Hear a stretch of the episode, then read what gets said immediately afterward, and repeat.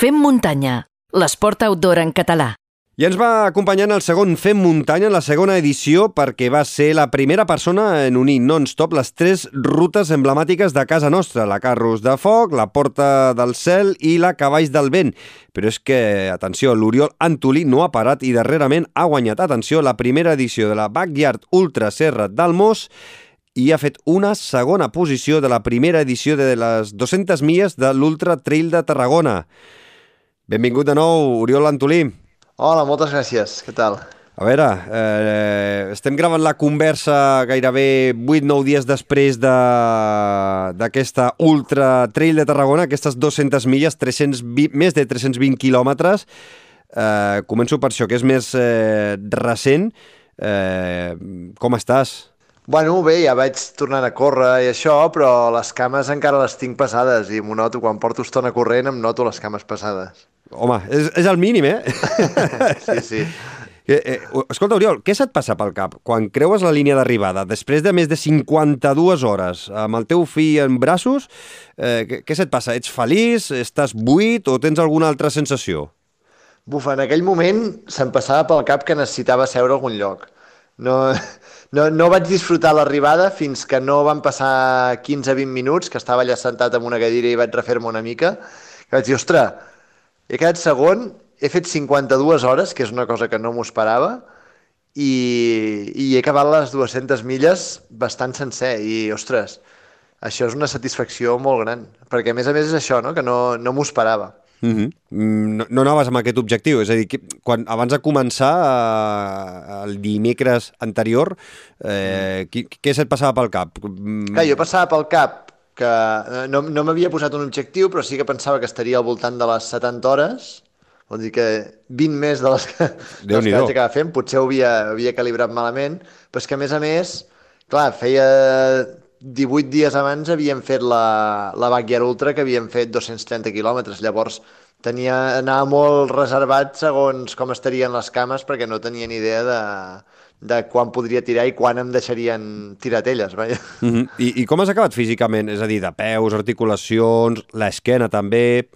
Eh, normalment, acaba, quan van passar les hores, els dolors van, van increixent. És a dir, tu com, com, com has acabat i com ho gestiones, aquest dolor? Sí, els peus els vaig portar prou bé, excepte alguna llagueta que, que tenia, però els vaig portar prou bé.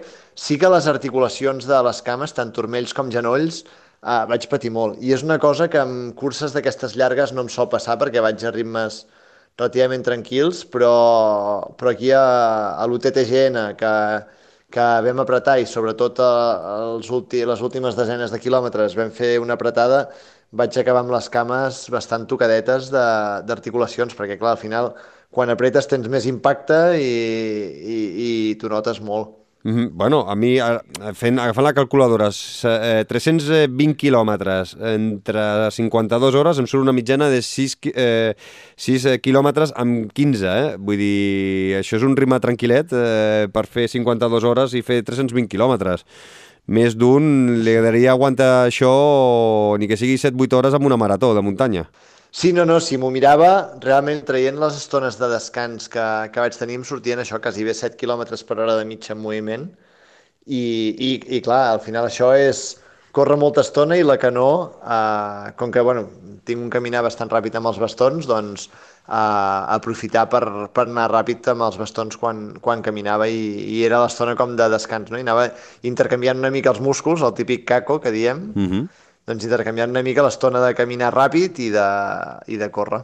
Mm. Eh, què és el que més et costa recuperar amb els dies? Eh, aquest dolor articular i muscular o, o, o més potser la falta d'hores de son? És a dir, el cansanci més eh, de, de son i, i psicològic? Ostres, les hores de son m'ha costat, m'ha costat molts dies. De, ara començo ja a, a recuperar una mica el, la son i poder-me llevar d'hora si algun dia vull sortir o això, però és això, durant tota aquesta setmana eh, anava a dormir per tot arreu, eh, tenia, estava una mica el que, el que diria pàjaro, no?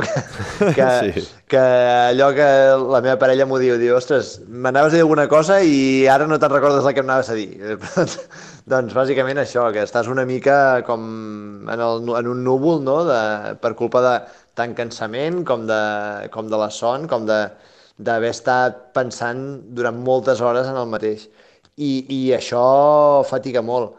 També és veritat que les cames, per exemple, així en, en estat normal no te n'adones que tens uh, les cames cansades, però quan port, et poses a córrer i pots fer-ho, però al cap d'una hora i mitja notes que, ostres, et costa aixecar, aixecar els genolls per, per, per córrer, no? I, vull dir que el temps de recuperació jo crec que encara, encara queden unes quantes setmanes. Uh -huh. Uh, qu quants dies has trigat en, en tornar-te a posar les, les bambes i tornar a sortir a córrer? Tornar-me a posar les bambes, mira, doncs el primer dia que, bueno, que vaig tornar a fer exercici vaig fer una mica de, de bici el dilluns següent, vaig acabar el divendres. Sí doncs el dilluns següent i el dimarts eh, vaig ja caminar una mica així ràpid i dimecres ja trotar una mica. Vull dir, trotar una setmaneta vaig trigar. Déu-n'hi-do, déu nhi déu mm -hmm. Escolta, en aquestes 52 hores has, has dormit, has descansat o, o has fet non-stop i només has parat uh, per menjar i prou?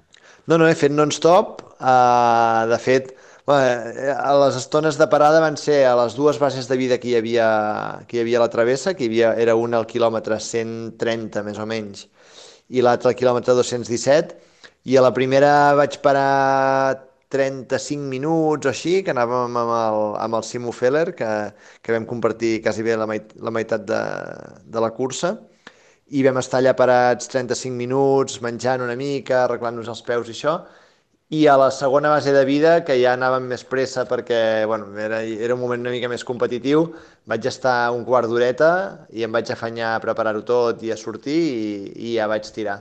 I, I aquests són els moments de descans, a part de, com que, era, com que havies d'anar amb el GPS i no estava marcat, a part de les pèrdues i havies de mirar el mapa i això, que estàs parat una estona, aquests són els dos únics moments que vaig estar parat. Mm. I el tema de l'alimentació en aquestes 52 hores, com, com ho gestiones? És a dir, quina estratègia tenies eh, prèviament, l'has pogut complir i, i, i com l'has anat adaptant?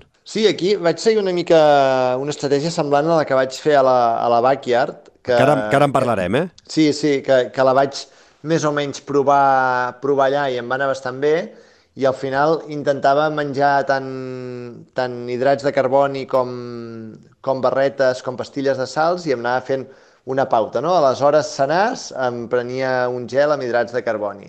A les hores em prenia una barreta i les pastilles de sals. I anava fent així, i també ho intercalava amb la can que portava i això, i, i després a les bases de vida doncs el que hi havia. Recordo a la primera vaig menjar, hi havia arròs, arròs amb tomàquet i ou ferrat, que és el meu mm -hmm. menjar preferit, i el tenien allà. Això també, també va ajudar. I a la segona base de vida uns macarrons. Però bàsicament, en general, anava, anava fent aquesta alternança. Això fins als últims 60-70 quilòmetres, que ja vaig voler anar un punt, un punt més ràpid de lo que estava anant en aquell moment, i, i allà vaig passar a prendre'm només, només gels per tenir hidrats de carboni i, i anar més ràpid i córrer tot el que pogués. O sigui, exceptuant eh, l'arròs i els macarrons de les bases de vida que, ten, que o sigui, t'havien preparat la teva assistència, no?, perquè tenies assistència. Sí. Uh, sí, sí. La resta... Bueno, no, no, no, això, això era la base de vida, era l'organització. Ah, perfecte, o sigui, era, era el menjar que, que tenies de, de l'organització. En aquest cas no tenies assistència? Tenia, en aquest cas, a la cursa hi havia uns punts, em sembla que entre cada base de vida hi havia, o sigui, entre el principi i la primera base de vida hi havia dos punts, entre les altres dos també dos punts i altres dos punts que podia, estava permès que fessin avituallament. Llavors jo a la primera etapa sí que vaig tenir, vaig tenir l'assistència de, de la Sílvia i de, i de l'Aniol. Que és la teva parella allà. i el teu fill. Exacte. I l'últim dia també, eh, quan quedaven, sembla que eren uns 50 quilòmetres o així, hi havia un punt d'aquests i també i també estaven allà. Però a l'etapa del mig i això, ells no van poder-hi ser i, i ho vaig fer en autosuficiència, a part de les bases de vida, està clar. Mm. Llavors, exceptuant l'arròs i els macarrons, eh, tota la resta t'has alimentat només de barretes i de gels. Sí, sí, sí, només barretes i gels. De fet, mira, és veritat que en un dels punts d'assistència eh, em vaig menjar un puré de patata que em va donar la Sílvia déu nhi déu nhi sí, sí. I, i l'estómac t'ha aguantat bé o no? Perquè a vegades sí, quan sí, et vas sí. fotent només gels i, i barretes, a vegades l'estómac, eh, no sé, es queixa o demana alguna cosa més salada. En algunes converses amb l'Anna Grífols, no? Mm -hmm. Que has d'intercalar doncs, coses més salades o un trapat més salat. Res. No, tinc, a veure, tinc sort que l'estómac em respecta molt sempre i les barretes que portava eh, també eren així bastant salades. Vull dir que, que aquest, aquest punt ja el complia i entre les barretes també hi conto el, el torró de la cana. Eh? Mm -hmm. Déu-n'hi-do, molt bé, no, no, és cu cu curiós, eh? és per sí, posar-li, sí. quan parlem amb la, amb la Nagrifuls, doncs que, escolta, hi ha persones que, que aguanten bé, que també ho diu, eh, moltes vegades l'Anna, que cada corredor és un món i que tots eh, hem d'anar provant les nostres coses, que ens, agrada, que ens va millor i que ens va pitjor. Eh? Sí, sí, sí. Eh, eh, escolta, quants parells de sabatilles has fet servir en aquests eh, 320 quilòmetres, que em sembla que van ser alguns més, no? Sí, bueno, em van sortir 330 o 330 i pocs, però clar, al final és el que comentava, com que vas amb el GPS i hi ha punts que estàs donant voltes que et perds o que et passes d'un trencant o això, doncs acabes de fer més quilòmetres. I, i, i quants parells I... has, has utilitzat de, de sabatilles? Vas, vaig, ho vas fer amb les mateixes o no? Parells. No, vaig utilitzar tres parells. Vaig, uh, en principi la meva idea era fer servir unes, unes Saucony Endorphin Trail, quasi tota la cursa, perquè em van molt bé, per la, sobretot per la forma de, del, del peu que tenen, perquè se m'adapta molt bé a la, a la forma del meu peu, i, i després volia fer servir unes, unes Salomon Ultra Glide, també per al tema de, de l'esmorteïment i això. I el que vaig fer és, per intentar treure una mica de quilòmetres a les, a les Endorphin Trail i poder-les allargar una mica més, els primers, els primers 36 quilòmetres que la Sílvia encara estava allà i podia arribar fins a un punt d'aquests d'assistència permesa, vaig anar amb unes, amb unes Innovate Trailfly, que també tenen molta mhm. -huh. amortiguació, i em van molt bé. El problema que tinc amb aquestes és que vaig agafar un, una mida una mica massa justa per quan fas ultres i se t'infla el peu. Llavors vaig fer aquests primers 30 quilòmetres amb, amb aquestes, després vaig fer doncs, 180 quilòmetres amb les Endorphin Trail i els últims 100 els vaig fer amb les, amb les Salomon. I, i em va anar bastant bé el resultat, la veritat. De, a nivell de llagues vaig tenir algun moment una miqueta, però més perquè se'm va posar alguna pedra dins la sabata i vaig trigar massa a treure-me-la que una altra cosa. Mm -hmm. I, escolta, Oriol, tens controlat la mitjana de pulsacions per minut eh, en aquestes de, més de, de 52 hores? Mira, ho vaig mirar just ahir i la mitjana de pulsacions, jo pensava que seria més alta, però estava en 117. Amb 100, estava en 117 pulsacions de mitjana, sí que eh, amb pics de 160, 165, però la mitjana em surt a 117. Ja, la veritat és que no portava un pulsòmetre de, de banda i portava el pulsòmetre de, del rellotge en el canell i és probable que no, que no hagi fet bé la mesura. Però, però sí, sí, la mitja em surt així. Mm -hmm déu nhi Escolta, eh, Oriol, quan vas acabar, a veure, ens vam intercanviar uns missatges el mateix divendres al vespre i em vas dir que havia sigut durillo. Què, què, què vols dir amb, amb durillo? O sigui, encara et quedava gas per, per uns quants quilòmetres més o no, no, et vas quedar amb ganes de més o no? Perquè, clar, no, no. normalment se't passa pel cap, no, ha sigut molt dur, estic destrossat, no em vas dir, va, durillo. Bueno, no, eh, és una manera de parlar, eh? Realment, re, realment aquesta cursa per mi va ser molt, de fet, molt dura ja no pel recorregut, que també, no? Perquè al final són 200 milles.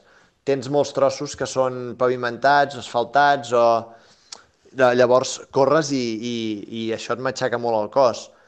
Però, però pel fet de la velocitat a la que acabes anant, no? Ja, és el que et deia, jo esperava fer unes 70 hores i em vaig fer unes 50, això vol dir que vaig anar més ràpid del que m'esperava. I, I en curses d'aquestes llargues jo mai havia anat tan ràpid, sincerament. Aleshores, eh, el fet d'augmentar la velocitat fa que quan arribis, de fet vaig arribar a la meta que, que a les fotos surto agafant a l'aniol, però just passar la meta el vaig donar a la primera persona que hi havia al costat que no sé qui era i, i em vaig agenollar a terra perquè és que no podia més. Vol dir. Bueno, de totes formes, en, en les fotografies que, que s'han vist a les xarxes, eh, que s'us veuen els tres eh, guanyadors, el Piringalov, a tu i a l'Eugeni Rosselló, Uh, és una, potser una, una percepció meva, eh? però eh, ets el que millor cara feies, eh? Sí, bueno, el teatre se'm dona prou bé, en ah, realitat, vale, tot vale. que no n'he fet gaires vegades de petit només, però, però sí, sí. Déu-n'hi-do. Eh, escolta, uh, clar, dius que en els darrers 70 quilòmetres vas apretar. Uh, com és això? Doncs mira, resulta que bueno, ja a, a la cursa hi havia el, el Luca Papi, que és un, un corredor que bueno, és professional sí, sí. I, i, i molts l'anem seguint de fa molts anys i l'admirem perquè és, és molt bo. Llavors, sabia que anava darrere i, el, i les últimes 5 hores abans de, de la base de vida 2, que era el quilòmetre 217, va avançar, em sembla que eren a 15 corredors, m'havien dit, o una cosa així. Havia com, com, eh, com anat molt més ràpid. I jo pensava, ostres, potser, potser vindrà cap aquí, però bueno, jo vaig anar tirant. I quan quedaven 70 quilòmetres vaig trucar a, a la Sílvia per saber més o menys per on estàvem, perquè sabia que havien d'arribar al matí, això devien ser a les 8 o les 9 del matí, i em va dir, ostres, tens el Luca Papi que se t'està costant, que està anant superràpid. I al primer moment vaig dir, ostres, ja està, ara em passarà, i ja, jo anava tercer en aquell moment, és un sa, ara em passarà i ja això del podi que fa il·lusió, no? Ja, Home, ja no hi serà. i tant. Vaig pensar, vaig pensar, bueno, doncs res, ja em passarà i ja està. Però com dos minuts després vaig pensar, ostres, a veure, al final també en saps d'anar ràpid. Pots, pots intentar apretar i almenys, jo què sé, uh, o que no t'atrapi o si t'atrapa, doncs uh, que, que, que li costi, no? que, que, que s'hi hagi d'esforçar una mica. I vaig dir, ostres, doncs mira, em poso a córrer, eh, just em va enganxar en un tros que, que venia un tros pel costat d'una carretera que feia baixada i em va anar bé per, per trotar així una mica ràpid, i com que em sentia bé, doncs vaig dir, ostres, doncs sí, mira, apretaré i tal, i vaig dir, doncs a partir d'ara m'ho prendré com si fos els últims quilòmetres, ja sabia que no hi havia gaire desnivell, la tendència era més a baixar, Uh, en els propers quilòmetres d'aquí fins a la meta m'ho prendré com si fos una marató, que bueno, sé que puc anar ràpid, sé que és un terreny que és més aviat corredor, i, i això, i em vaig treure en el, en el següent punt d'assistència, o sigui, vaig anar corrent, vaig decidir que correria encara que em fes mal qualsevol cosa perquè no m'atrapés, i així ho vaig fer, vull dir, corria les pujades, corria tot. Com si no haguessis fet, com si no haguessis fet eh, 270 quilòmetres primers. Bueno, potser si algú m'hagués vist des de fora sí que, sí que se'm notava, però, però jo intentava córrer com si, com si no hagués fet els 200 primers. I quan vaig trobar a la Sílvia li vaig donar tot el que portava de pes que, que no era material obligatori i que, i que no necessitaria i de menjar em vaig quedar només amb, només amb gels i, bueno, i les pastilles de salts. I, i tota que cada cursa doncs, vaig estar corrent tota l'estona pràcticament, pujades i baixades, i, i alimentant-me doncs, cada hora em prenia un gel. I així tenia l'energia, també les pastilles de salts cada dues hores, me les seguia prenent, i, i em va anar bastant bé, tot i que ell em mantenia la distància, al final el tenia una distància d'una hora, hora i poc, i, i podia anar corrent i pensar, ostres, no sé si m'atraparà o si no, perquè tampoc tenia una referència clara, perquè uh, m'ho podia dir la Sílvia i la veia cada 30 quilòmetres. Llavors, clar, tu vas apretant i penses, no sé si m'apareixerà per aquí darrere. I, I fin... això, i per això vaig apretar, per això vaig apretar tota l'estona, i després al, al final, quan em quedaven 14 quilòmetres, que vam arribar a un avituallament del Catllam, sembla que es deia l'avituallament, just abans d'entrar vaig atrapar l'Eugeni Rosselló. I... I com és això? És a dir, quina sensació, o, o us intercanvieu paraules quan, quan us creueu a falta de 14 quilòmetres pel, pel final? Sí, sí, sí. Sí, amb l'Eugeni ens coneixem de fa temps, ja vam, vam, vam estar parlant. Li vaig dir, ostres, que ve el, el Luca Papi per darrere, que ja veuràs, que no sé què. I em va dir, no, home, no, si està lluny, tot, està, no, no passa res que està lluny. I vaig pensar, bueno, uh, ja està, ara ja, ja he fet l'esforç, ja, ja m'he allunyat i, i també em feia il·lusió no haver passat l'Eugeni, també em va donar molts ànims. I a l'avituallament ell es va quedar, llavors jo vaig tirar i ja, ja no el vaig veure més. Uh, també va coincidir que el vaig agafar jo què sé, 300 o 400 metres abans de l'avituallament. Llavors tampoc vam poder coincidir gaire, perquè quan vaig sortir ell encara hi era. Mm -hmm. Al, final, I... al, al final eh, tu vas fer 52 hores eh, 19 minuts, eh, l'Eugeni 52 hores 41 minuts, és a dir, li vas treure 22 minuts, Exacte. i el Luca Papi va fer 54 hores 26 minuts, és a dir, li vas treure al final 2 hores i 7 minuts. Sí, sí, sí. Sí, de fet, després, quan ja sabia que estava més lluny, ja no vaig anar seguint com, com anava, ja no sé si va afluixar o, o, o què va fer, o, o no sé si jo vaig anar més ràpid que ell realment i per això em vaig allunyar, però bueno, és això, no? Jo quan vaig arribar al Catllà realment estava molt destrossat, però el fet de veure l'Eugeni em va animar com per, per continuar i, i vaig poder fer els últims 14 quilòmetres aquests també a un ritme bastant ràpid i, i fer aquest temps que no, encara no me'l crec. Mm -hmm. I, i, I quin és el terreny que et trobes? Has dit que és bastant corredor, no? Poc tècnic té, té diferents parts. llavors, eh, tot el primer tros que fas mol, molts trams, bueno, durant molts trams fas la ruta del Cister, és molt de pistes i camins relativament assequibles, trossos pavimentats, alguns trams fins i tot de, de carretera, però llavors a partir del quilòmetre 130 i alguna et fiques al Montsant. Al Montsant sí que tens ja més corriols tècnics i és molt més muntanya, molt més puja-baixa i tot. Jo diria que això són 60 o 70 quilòmetres, i, i després, que de fet deu ser fins a la segona base de vida més o menys, després de la segona base de vida ja tornen a ser camins més assequibles, uh, el que passa és que llavors sí que ja va venir boira i més mal temps i, i, i, i costava una mica més per aquest tema, no? Però, però bueno, mm, sí que sobretot la part tècnica era la part del Montsant, que és la del mig, i les altres eren molt més corredores. I quan arribes a una part, després d'una part tècnica, o, i, i arribes a una part corredora o una part inclús asfaltera, eh, com, com passes aquests quilòmetres que potser tu que estàs més acostumat a, a la muntanya, dius, ostres, ara sé que, o crec que em toquen ara 6-7 quilòmetres doncs, de pista o d'asfalt, Uh, mentalment, com, com passes a, a, a que saps que estaràs mitja hora doncs, una mica més allunyat de, de lo que és la muntanya, no? és a dir, del, del terreny típic eh, corriolaire?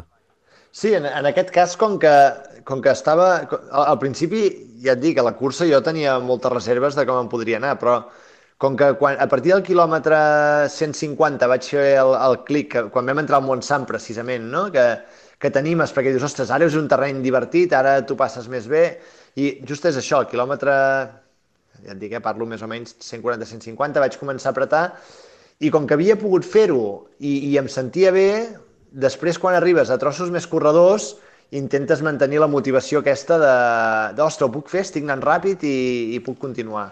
Suposo que si m'hagués trobat més just a la zona de muntanya, que al final passa, no? perquè tens pujades i baixades tècniques mm -hmm. que et poden costar, llavors quan et ve l'asfalt a sobre sí que és un, una espasa de Damocles que et cau a sobre, no?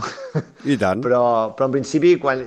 a mi el que em va passar en aquesta cursa és que vaig estar molt animat tota l'estona, sobretot des, de, des del quilòmetre 140 o així, i, i vaig poder córrer i, i m'ho vaig creure. Al final és creure-s'ho una mica i, i em va anar bé. I, i, a, I a, la meteo us ha acompanyat exceptuant l'últim dia, potser, no?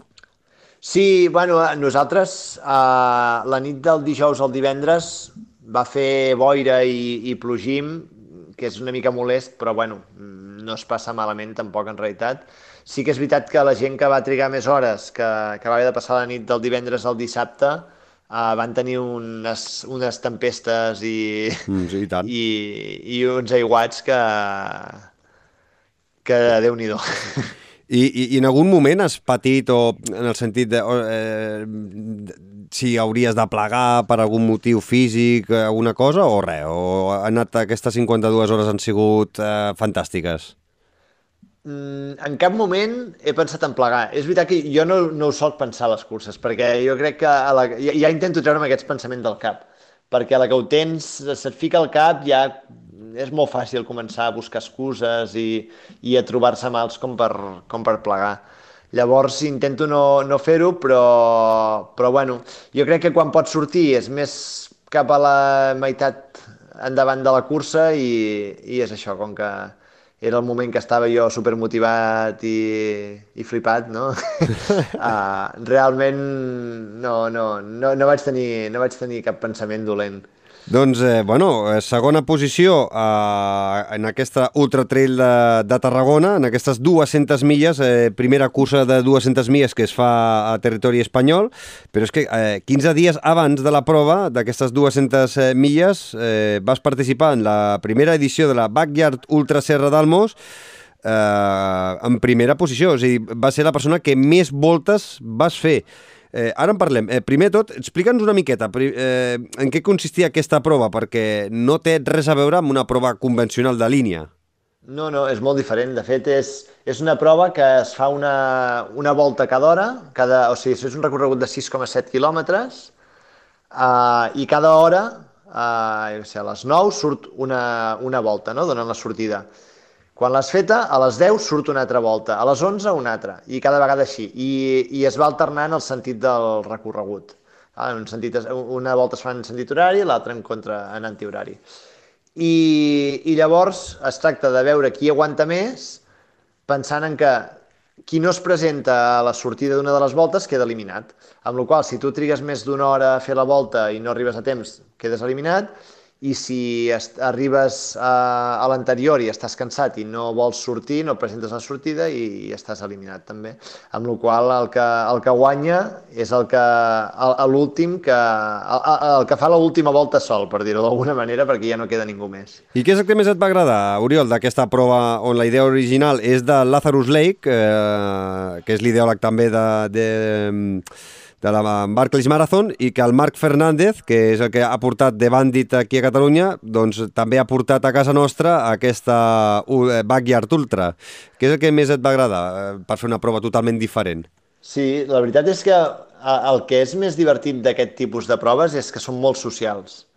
Ah, clar, tu estàs uh, corrent i com que no t'importa anar més ràpid o anar més lent en una, a cada volta, coincideixes eh, amb corredors que normalment no coincidiries perquè van més ràpids que tu o corredors que no coincidiries perquè van més lents que tu, llavors tens moltes hores per parlar, per, per, per viure experiències amb, amb la gent.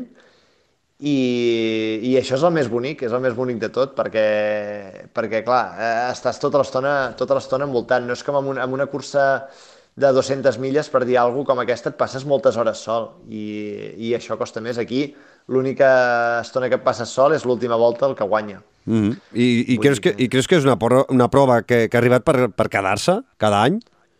Jo crec que sí. De fet, a, a, a tot el món està agafant molta volada l'Sbackyard Ultra.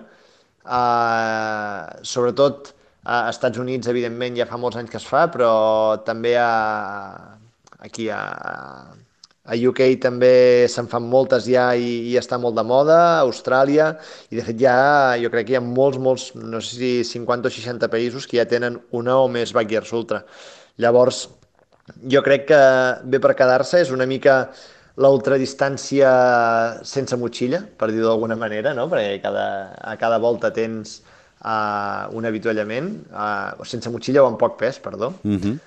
Uh, i, i, I jo crec que té moltes coses positives. Jo la veritat és que la primera vegada que vaig participar en una cursa així va ser la Longest Night l'any passat, que era molt del mateix estil, i jo sempre pensava, ostres, uh, lo xulo d'una cursa de llarga distància és anar i veure els llocs i, i tot, no?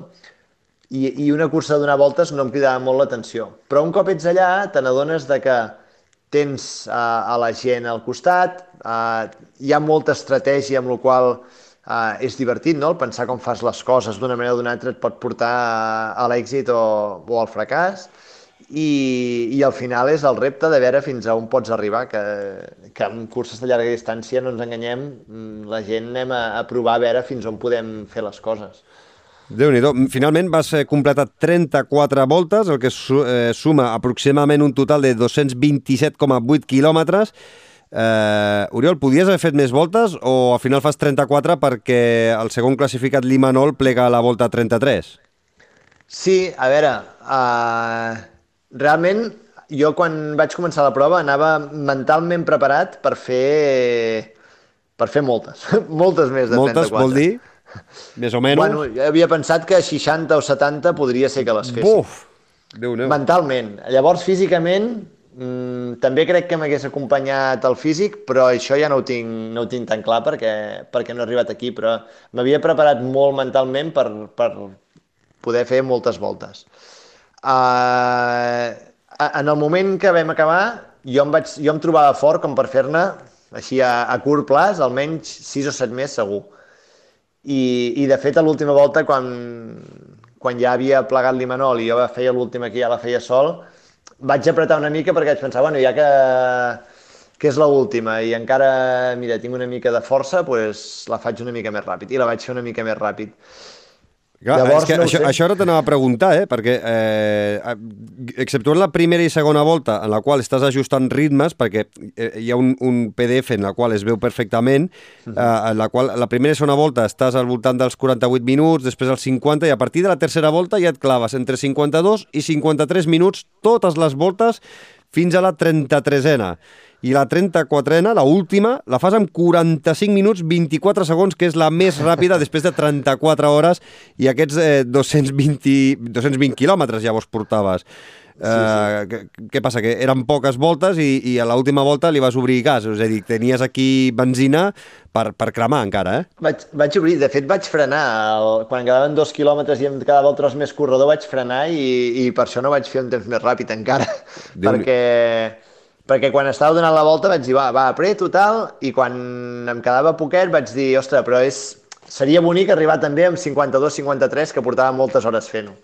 I vaig decidir, va, frenaré i, i arribarem 52-53. I anava caminant, però llavors estava agafant fred perquè feia, feia vent i me'n vaig desdir, vaig dir, bueno, va, arribo i ja està, tu, i s'ha acabat. Mm -hmm. I mhm. per això vaig acabar amb, amb 45. Però sí que és veritat que això del temps, eh, ja abans de la cursa havia estudiat una mica com anaven els que, els que solien quedar per davant a les Backyards Ultra que, que coneixia que eren una mica més famoses, que bàsicament és la, la Vix que fa el, el Lazarus Lake, una que es, di, que es diu Suffolk Backyard Ultra que fan a, Anglaterra i l'Spain Backyard Ultra que fan a Galícia, i vaig veure que, ostres, semblava que estar entre 50 i 55 minuts per volta era una mica la fórmula de l'èxit.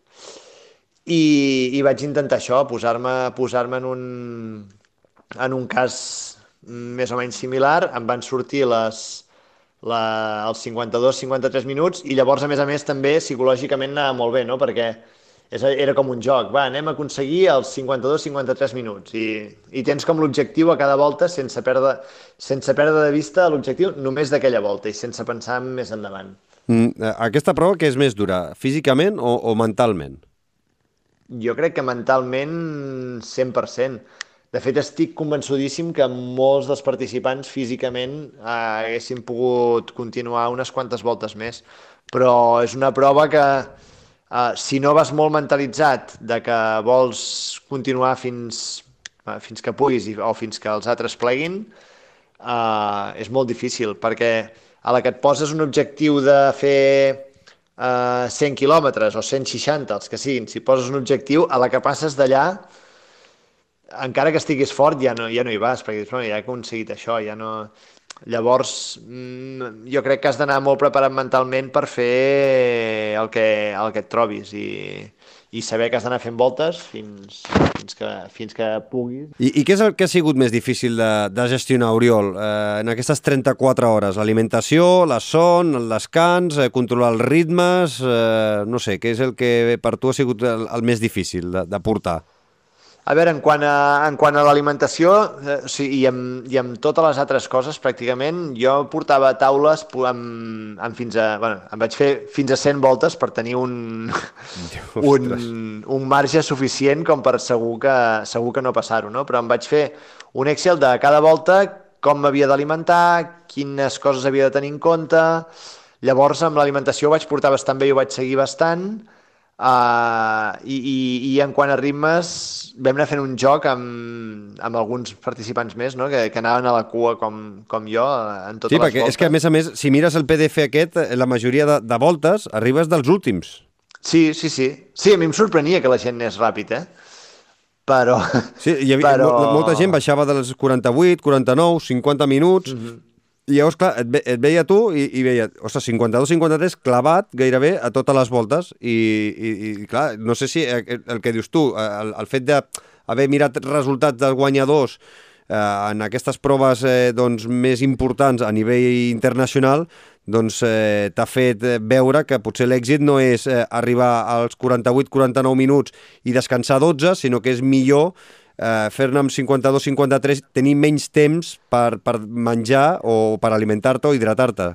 Sí, sí. Igualment jo penso que cada persona té la seva fórmula. Eh? Jo crec que aquesta és la fórmula que em va bé a mi i, i coincideix no? amb, amb, amb això que vaig estar mirant, però estic segur que hi ha gent que està molt forta i li va millor fer-ho en 46 minuts i descansar-ne 14, per dir alguna cosa. Mm. I jo crec que això cadascú ha de trobar, ha de trobar la seva fórmula. I amb els ritmes és això, no? intentàvem buscar, eh, jo què sé, quan sonen les campanes del campanar hem de ser en aquest punt, en aquest altre i passarem en aquesta hora. I et vas fent una mica tota la teva, la teva estratègia així.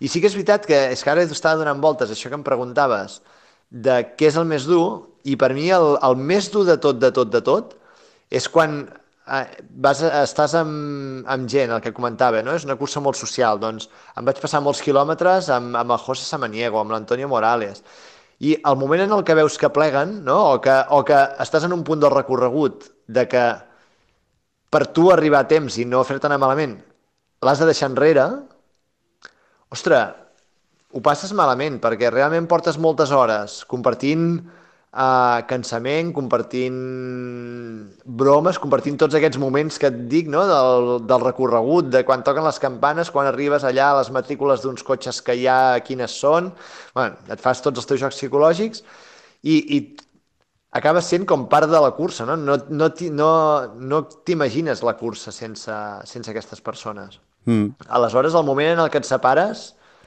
jo recordo quan em vaig separar de, de l'Antonio, amb, el, amb el José no em va passar el mateix perquè va plegar en, el, en un descans de volta, no? I va ser el, ah, ja no surts, bueno, pues ja està.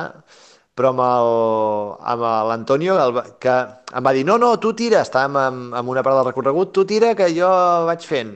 Va ser, ostres... Mm... Alguna cosa passa. Sí, i sents com que estiguessis fallant al, al company que has tingut tota l'estona. Mm -hmm. I això és, és molt estrany. Mm. Eh, escolta, he vist moltes fotos, Oriol, eh, i m'he donat compte que eres eh, un dels pocs que portaves motxilla amb un bidonet. Eh, que, sí. que, que, portaves alguna cosa més de, que, que el bidonet? Eh, I per què vas decidir portar motxilla i quan la resta de corredors eh, no en portaven? Sí, de fet, mira, jo no solc veure molt gaire aigua, en realitat, a les curses, i i, i, i, en, re, i en canvi en aquesta cursa eren 6,7 quilòmetres, sí que la gent la fa sense motxilla perquè considera que, que amb 6,7 quilòmetres no necessita beure aigua. Jo per mi eh, la tranquil·litat de poder tenir un bidonet amb aigua per si tinc set, de poder tenir un frontal de recanvi que portava la motxilla per si se'n feia malbé o si em quedava sense piles el que portava, una petita farmaciola, i, i una barreta per saber que tenia menjar i alguns gels per, per com a de dir, mira, m'agafo una pàjara a, a mitja volta i si no em recupero ràpid no eh, m'eliminaran, doncs eh, portar alguns, alguns gels per, per solucionar això. A mi, més que tot el, el fet del que portava, la tranquil·litat que em donava saber que era autosuficient i que qualsevol problema que tingués podia tenir una, com una contramesura i que, i que podria cuidar-me'n per arribar al final, a mi això eh, jo crec que psicològicament em treu un, un problema de sobre, no? que si no hi estaria pensant. I això és el que em va millor. I, i que aquestes són les coses que portava la motxilla, eh? tampoc pesava gaire bé i, i, i a mi em va bé. Sí que admires del món de les Biker Ultra que hi, hi he llegit últimament i en general es recomana anar sense motxilla. La gent que, que ho fa diu no, és millor anar sense motxilla per minimitzar el pes. En el meu cas no en el meu cas no, en el meu cas la tranquil·litat aquesta és, és clau per tenir el coco, el coco bé curiós, és molt curiós i és una cosa portava, que... Portava dues motxilles, perdona, eh, que, que t'he tallat. No, no, no, no uh... simplement eh, anava a dir que era curiós perquè, clar, és, és el que estàs dient, no? La majoria de gent anava sense, inclús sense aigua, sense res, és a dir, perquè el que dius, no? 50 minuts sense... Eh, tothom pot fer 7, 7 quilòmetres sense aigua i aprofitar els 8 minuts per eh, rehidratar-te i menjar. I en, en el teu cas, doncs eh, ho portaves tot a sobre, el, el, en cada volta, i, i, i anaves més tranquil. Sí, sí. De fet, és això, portava, jo portava dues motxilles, amb, que les dues hi havia el mateix, i a cada volta me l'anava canviant i la Sílvia, la meva parella o el meu pare, que també estava allà fent, fent de suport, uh, me la reomplien amb el que hagués gastat aquella volta, si havia gastat alguna cosa, i a cada volta em canviava la motxilla per, per, tenir, per saber que sempre tenia, sempre tenia el mateix. I, i, i, llavors, i així estava convençut que... També menjaves o, o eh, quan estaves eh, entre volta i volta t'alimentaves i t'hidrataves sí, sí. o, o, o aprofitaves els 7, eh, els 7 quilòmetres, els 6,7 quilòmetres per, per menjar i beure i llavors aquells 6-7 minuts els aprofitaves, doncs no sé, eh, doncs arreglar els peus si tenies alguna llaga o canviar sabatilles, no sé. Sí, l'alimentació principal la feia entre volta i volta. Uh, la, la resta era més per, per intentar tenir una, una solució en cas de que no, no pogués alimentar-me bé o això que en alguna, en alguna volta em va passar, no? El que comenta, estàs d'arreglar els peus, doncs al final estàs 5 minuts que et poses cremetes tot i no estàs menjant, doncs uh, aquell, aquell temps de descans el perds de, en quant a alimentació. Doncs llavors, a, a la volta següent, sí que, com que al final no vas a ritmes molt ràpids, doncs pots, pots ingerir i no, no tens gaires problemes d'estómac tampoc. I, i ho feia així. L'alimentació principal sí que era, era entre volta i volta. Eh? El que portava era bàsicament de, de per si un cas. Por si acá, allò que es diu. Por, por si acá, exacte. eh, escolta, has dit, eh, la Sílvia i el teu pare et van fer l'assistència. Van estar a les 34 hores ajudant-te? Sí, sí, sí. Bueno, es, van, es van tornar una mica. Eh, a la nit dormia un i l'altre estava despert i, i després s'ho van, van anar canviant però almenys un sempre, sempre estava allà, sí, sí. I, I també penso que és una de les claus, eh? al final tenir, tenir suport eh, canvia el joc. Mm -hmm. I l'assistència estava molt a prop de, de la sortida, diguéssim, perquè estàveu en una campana, diguéssim, en, en una masia. Llavors, sí. no, no sé on, la, la, la teva assistència on estava, si estava a molts metres de la sortida o no.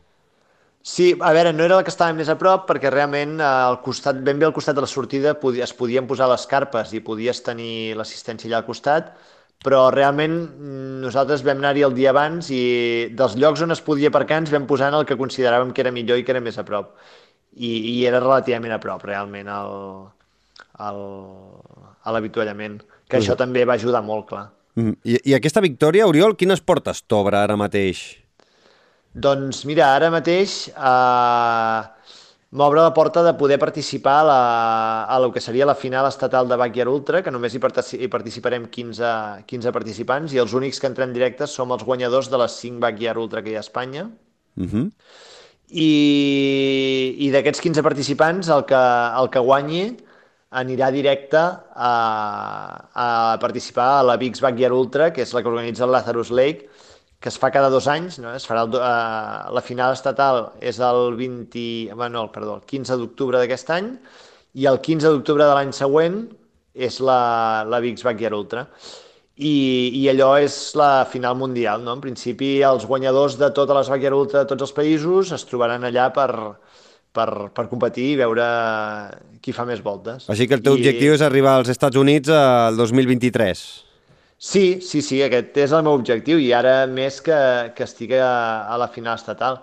El que passa és que segur que no serà fàcil, però... Tens controlat si no... a, a, a, quins són els altres campions o no? De moment, eh, clar, són 5 Backyard Ultra, s'ha fet la Serra del Mos, la, la Last Lab que vam fer va ser la primera, per tant jo vaig ser el primer en, en classificar-me. Uh, ara, la setmana passada, es va fer una a la Parra, que crec que està a prop de Badajoz, però no no segur, però bueno. Uh, es va fer allà i va guanyar... Ostres, no me'n recordo del nom, però sí que, sí que ho vaig estar seguint amb 24 voltes. El que passa és que hem fet 24 voltes eh, sota d'un temporal de pluja. Vol dir que, que déu-n'hi-do també el coco, el coco que tenen. Durillo, eh? Sí, sí. I després la resta, doncs no ho sé, perquè s'han de, de celebrar encara les, les curses classificatòries i aquestes donarà, el guanyador de cada cursa donarà els, els cinc primers eh, que, classificats, no? els, que tenen, els que tenen passe directe.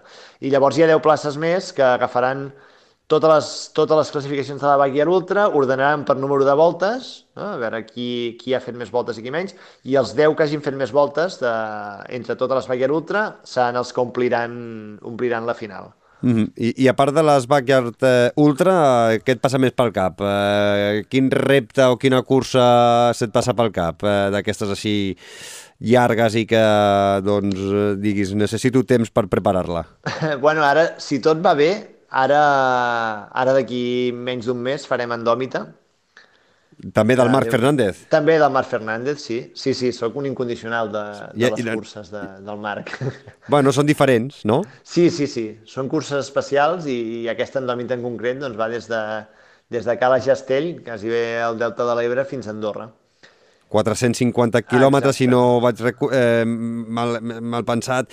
El que passa que, en principi, si no tinc... Eh, no vaig equivocat, en principi haurien de ser per etapes, no? O, mm, cada dia mm, un tram, sí, i al final està mig... eren etapes, però s'ha canviat, no? és que al final al final s'ha canviat i, i serà non-stop, tot i que en el, on havien de canviar les etapes igualment tens com una base de vida, no? On pots a agafar menjar, dormir i, i el que vulguis. Bueno, com que que al final, si vols fer en etapes, ho pots fer... Com que pots fer per 330 no, no han sigut prous, ara 450. Sí, bueno, ja, A veure. ja veurem com estan les cames.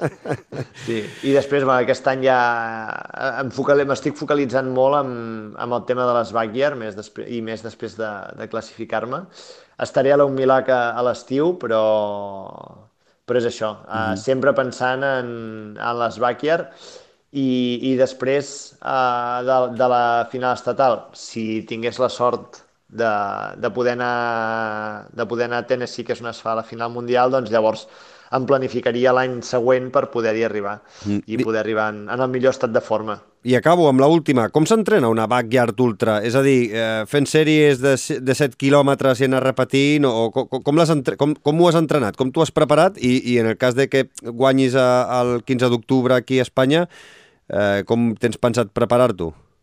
Sí, va, això, realment em fio molt de, de la meva entrenadora, que és la, la Laia Díez, i, i, i bàsicament faig entrenament d'un volum moderat i, i bastanta qualitat. Sí que faig uh, sèries, farlegs i, i, i, i entrenaments així de qualitat i de tant en tant doncs, uh, entrenaments fent voltes a un circuit uh, encara que no sigui de la mateixa, de la mateixa longitud i ni al mateix ritme, perquè normalment en els entrenaments vaig més ràpid, no? Jo què sé, faig uh, un entrenament de 6 voltes a un circuit de 5 quilòmetres uh, en 25 minuts per cada volta. Uh -huh. Doncs, doncs vaig fent així i així també entrenes una mica el cap per, per pensar en el que són les voltes no? i saber que has de repetir un circuit unes quantes vegades. Això és el que t'anava a dir, eh, o sigui, preparar el cap a fer el hàmster. Exacte, sí, sí. Perquè vegades, eh, és la, eh, està molt bé preparar la part física, però aquesta part mental d'anar veient les mateixes coses eh, cada hora, eh, cada X temps, doncs eh, també s'ha de preparar, perquè si no al final acabes te- perdent eh, el sentit de què és el que estàs fent, no? Després de, Sí. de 15 voltes, després de 20 voltes, dius, bueno, és que ja he vist això 20 vegades, no estic acostumat a fer això, estàs acostumat a fer 150 quilòmetres o 100 quilòmetres i anar, que et vagi, et vagi variant el paisatge i, i, i veus que, que portes 20 hores corrents, eh, es portes més de 100 quilòmetres i, i, i estàs veient constantment el mateix. Sí, per mi és molt important en aquestes curses, també a les, a les, ultres, a les ultres més convencionals, però en aquestes sobretot eh, se- sectoritzar el recorregut, no? Si, eh, sempre es diu, no, has de pensar en el, en el següent punt que facis tal, un avituallament o el que sigui. En aquest cas t'has de plantejar només una volta i has de tenir al cap només una volta. I quan passi la següent, només una volta i pensar, focalitzar-te només en aquella i no pensar ni en les d'abans ni en les de després. I això fa que, que no estiguis amb, el, amb la sensació aquesta de hàmster, no? Perquè jo crec que si agafes la sensació de hàmster sí que al final dius tu, d'aquesta pedra l'he xutat 15 cops i ja n'estic fart. Sí, sí, és una sensació realment eh, diferent que només eh, els que heu participat en aquesta backyard ultra Serra del Mos doncs eh, ho sabeu i que, bueno, intentarem a veure si l'any que ve hi podem ser per gaudir d'aquesta experiència diferent. Sí, ho recomano molt, eh? I a més a més, cadascú pot tenir el seu objectiu, vol dir que... Sí, sí. Pots anar a guanyar, pots anar a gaudir de, de l'experiència i, pro, i, Exacte. i, i prou. I el que dius tu, no? Eh, poder compartir quilòmetres i hores amb gent amb la qual no podràs compartir mai perquè o aniran sobretot molt més ràpid que tu i, i d'aquesta forma doncs, eh, durant una volta, dos voltes, tres voltes sempre aniràs coincidint amb, amb, amb la gent. Eh, Sí, Ori sí. Oriol Antolí, moltes, moltíssimes gràcies eh, per aquests minuts, aquesta conversa tranquil·leta i en la qual espero doncs, que tots els eh, fem muntanyeros i fem muntanyeres segur que aprendran cosetes i hi hauran, doncs, a, a part d'aprendre coses d'estratègia, que és, és per mi una de les coses més interessants eh, a l'hora de com planificar, com pensar i com eh, doncs, preparar el coco per tantes hores eh, d'esforç, doncs també doncs, eh, haver viscut, que hem viscut tots, eh, doncs, eh, la, la teva experiència des de casa. Moltes gràcies a tu, Xavi. A descansar, a recuperar, continuar entrenant i, i a complir aquests objectius que tens en ment. Cuida't molt, Oriol, i, i ens veiem eh, i compartirem quilòmetres plegats. Salut! Gràcies, salut. Visita la nostra web femmuntanya.cat